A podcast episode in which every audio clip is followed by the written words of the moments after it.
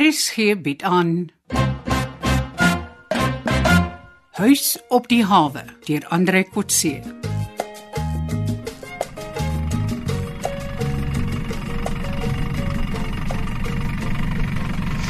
Nigel, hoekom het jy my gevra om saam te kom see toe? Ek het jou gesê ek gaan nie vandag visvang nie. Ja, ek het jou gehoor. My wil vandag op die series. Ek het eintlik maar net gekom om bietjie my kop skoon te kry. Dinge is bietjie die mekaar op land en mense pla my te veel. Ek kan nie meer helder dink nie. Ons amper dieselfde by my. Dinge word nou 'n bietjie warm by die huis. Hoe bedoel jy warm? Onthou dit die huisplanne van die huis op die hawe wat ek by Clinton teruggesteel het. Ja, ja, ja, ek het gedink jy het een kans te veel gevat. Jy het nog by hom gekuier en toe hy terugkom is die planne weg. Ja, wel. Clinton vertrou my glad nie meer nie. Hy is seker vies. Hy het gedink hy sou R15000 daarvoor kry. Ja. Uh, hy het klaar sy somme gemaak. hy sou 5000 vir sy girlfriend my besig gee het vir die steel van die goed by die munisipaliteit en 1000 vir my as ek hom voorgestel het aan Mr Chang. En nou is Clinton kwaad vir jou want hy verdink jou daarvan dat jy die planne uit sy huis gesteel het. Hy sê niks en hy kan met niemand kla nie, want hy het self ook nie goed gesteel. Dis die probleem met korrupsie en sulke steelery. Al dink jy ook is regverdig. Daar is nie meer 'n regstelsel wat jou beskerm nie. Dis nou jungle justice wat op die ou end moet besluit wie is reg of verkeerd. Ja, en dit lyk my Jungle Justice loop ook altyd uit op geweld. Geweld is later die enigste manier waarop mense hul sin kry. Ja, maar nou moet ek my rug dophou. Self my beste pelle vertrou my nie. Is die security ou by Boelie se stoor, Frankie, ook een van jou pelle wat jou wantrou. Ja, nee, Frankie word misbruik deur almal omdat hy eenvoudig baie dom is. Boelie misbruik vir Frankie omdat hy bereid is om vir baie min geld Boelie se eiendom op te pas. Jesus, misbruik van sulke gestremdes is vir my 'n nog erger misdaadskorrupsie. Ja. Dink seker vir Frankie misbruik toe ek Boelie se stoor deurgekyk het op Frankie se skof. Nee man, ek sê nie so nie. Ek sê, as Frankie nie benadeel word as ek 'n bietjie rondkyk in Boelie se plekkie, voel ek nie skuldig nie. Ja, dis 'n moeilike saak. Maar wat beteken dit dat dinge vir jou warm raak? Ek voel net onveilig in my huis, my eie dorp, omdat my vriende my net stil aankyk en nie meer gesprekke wil aanknop nie. En wat sê Pauline daarvan? Sy voel hierdie hitie. Sy is 'n baie sosiale mens en ander hou van haar vriendelike geaardheid, maar ons is nog hier uit in die dorpie en uh so sê word dit so direk daardie geraakie. En hoekom trou julle twee nie? Ek ek kan nie vir Pauline bekostig nie.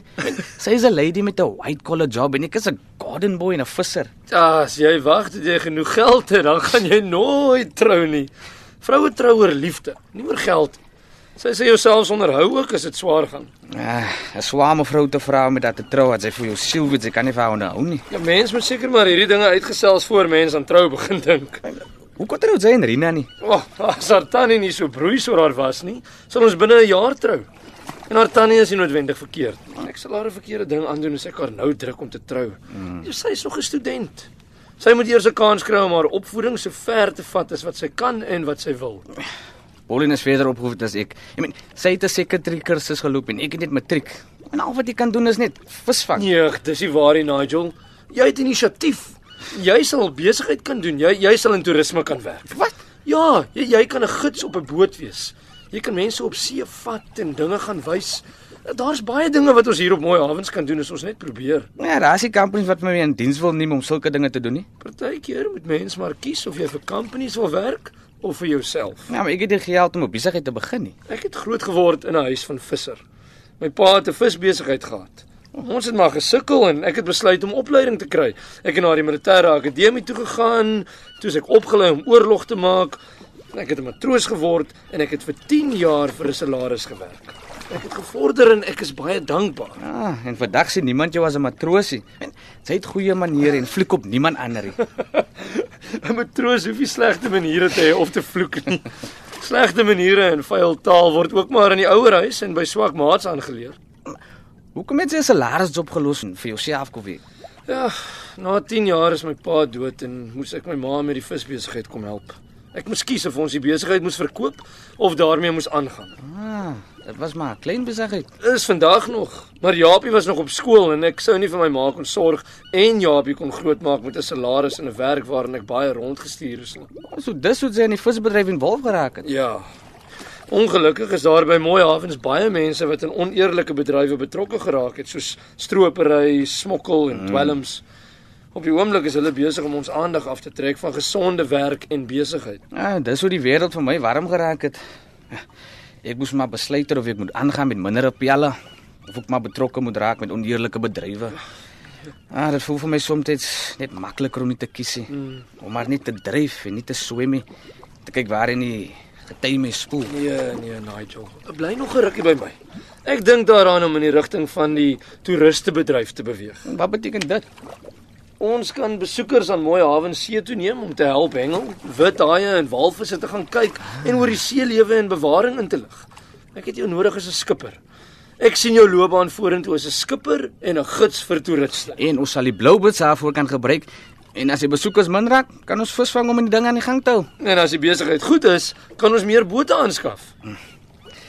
Anyway, ek het gister 'n job offer van Boelie gekry. Wat 'n job. Nogal 'n skipperjob. Regtig? Ja, en haar het hy verlede maand vir my gesê het, ek is 'n skipper se agterrentie. Ja, dit was toe die kastig se rubberboot in die hawe beskadig het. Enige iemand wat 'n skipperlisensie het, kan dadelik sien jy weet hoe om 'n boot te hanteer. En hoekom wil Boelie jou nou in diens neem? Hy soek iemand wat die diepwater ken. Hy sê hy en sy mense weet wat hulle doen met die vlakwater. Hy soek iemand wat kan navigate aan die ander kant die 5 mil bank. Ek dink die sleep van sakke vol perlemoen met jetskis en rubberboot raak bietjie riskant vir hom. Ja, ek sien kans vir werk, maar ek hou nie van die leefstyl van sy bemanning nie, man. Hulle werk net vir die geld en die partyjaka en 'n goeie dag se week en natuurlik op 'n Vrydag as hulle py. Ja nee, sy bemanning is nog tieners. Dit is jammer. Hulle leer so 'n leefstyl aan op so 'n vroeë stadium, jy weet, voordat hulle verantwoordelikheid aangeleer het.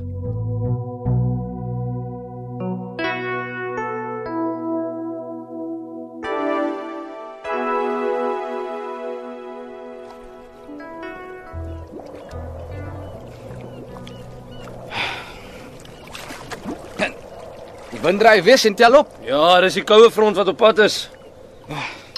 Ah, dis Japie. Hy weet ons is op die see. Hallo Japie, wat's fout? Hallo Anton. Luister ek julle julle moet huis toe kom. Daar's 'n koue front op pad. Ja, ons weet, ons gaan nou anker lig. Ons is nie ver uit nie. Ek sal oor 'n halfuur by die huis wees. Wat is nuus? Ek het 'n snaakse gesprek van Boelie onderskep. Wat nou? Wat wil hy nou maak? Hy het 'n radio-opdrag gegee vir Clinton, een van sy jetski ruiters, om môre 'n vrag perlemoen te gaan optel onder die water en na die Dragon toe te neem. In die dag. Ja, niemand kan in die nag in hierdie storm weer wat nou kom see toe gaan nie. Maar hulle gaan mos gewoonlik hierdie afleweringe na die diepsee in die nag doen. Ja, Boelie sê hy moet sonop gaan, 6uur môreoggend. Dit glo baie dringend, kan nie wag nie. Boelie weet niemand sal die jetski eers sien gaan daardie tyd van die oggend in sulke weer nie. Maar dis malligheid. Ek sal nie eers met die blou blits dit môre op die see waag nie. Ja, die voorspelling praat van 'n wind van 40 km/h. Met 'n jetski. Seker daai groot nuwe een met dubbel engines wat Nigel verlede week in Boelie se stoor gesien het. Maak nie saak hoe groot en sterk 'n jetski is nie. Dit kan nie met die hoë duining en in so 'n wind diepsee toe gaan nie. Jy sal eers kan sien waarheen hy vaar nie. Dit het seker 'n goeie GPS om te help. Ech, die mannetjie sal verdrink as hy die diepsee met enige jetski aandurf. 20 seemyl op 'n jetski. Ja, wat kan so dringend wees? Dit sal die eerste keer wees wat hulle helder oordag so 'n missie aanpak. Het hy gesê hoekom gebruik hulle nie die Night Rider nie? Nee, seker te opsigtelik. Ah, ek dink ons moet die Clinton ouetjie volg. Met die blou blits.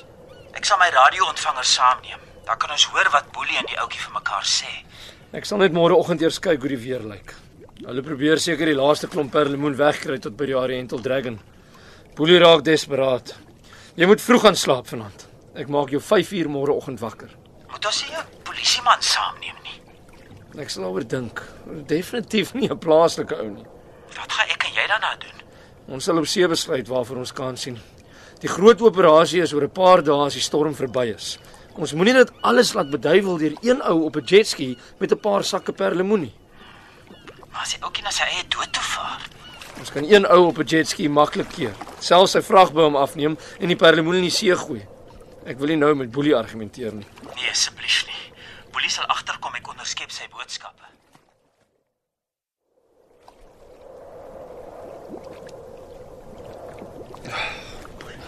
Anton ek lei af, want môre iets op see gebeur. Maar waar kom Clinton in? Boelie wil hê Clinton moet môre 'n vrag perlemoen van hier na die diepsee neem. Wat in die weer? Dis 'n onredelike opdrag. Dis wat my en Japie ook bekommer. Ons wil môre met die blou blits see toe kom om te keer dat Clinton iets oorkom. Net dis wat ek van julle Huberts waardeer. Wat? Ware deernis. Ek meen julle gee om vir iemand wat vir julle niks kan beteken nie. Dis nie so edel nie. Ons besef hoe onverantwoordelik boelie optree. Dis eintlik iemand anders se swak keuses wat ons in beweging bring. Mm, -mm nee. Dis hoekom ek vir julle sal bly week solank as wat ek kan. Ek meen julle gee om. Nie net as 'n mens goeie werk doen nie, maar om reg te laat geskied. Is jy nie bekommerd oor jou vriend nie? Ja, maar hy het my gedrop. Seker oor die diefstal van die huisplanne. kan ek môre verskoon word? Hoekom? Mevrou Tannie wil hê Pauline en ek moet môre op 'n eendag kursus in gidswerk gaan. Wat 'n gitswerk. En Sy het dan net gou sê ek moet 'n gids word. En Mevrou Tannie dink ook seker so. Ons moet uh, toeriste en gaste vat om dinge op mooi avonds vir hulle te wys. Maar Ons moet môre opleiding kry. Ja, nee, dis reg. Ons sal regkom. Ek dink ook jy moet gaan. Ja, my motivation is ook glad nie so edel nie. Ja, Jy gaan maar meer om met Pauline te wees. Wel, liefde en omgee neem baie forme aan. Om saam met iemand te wees vir wie jy baie omgee, is deel van liefde.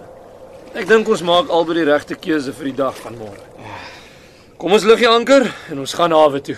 Jep, kom ons mooi.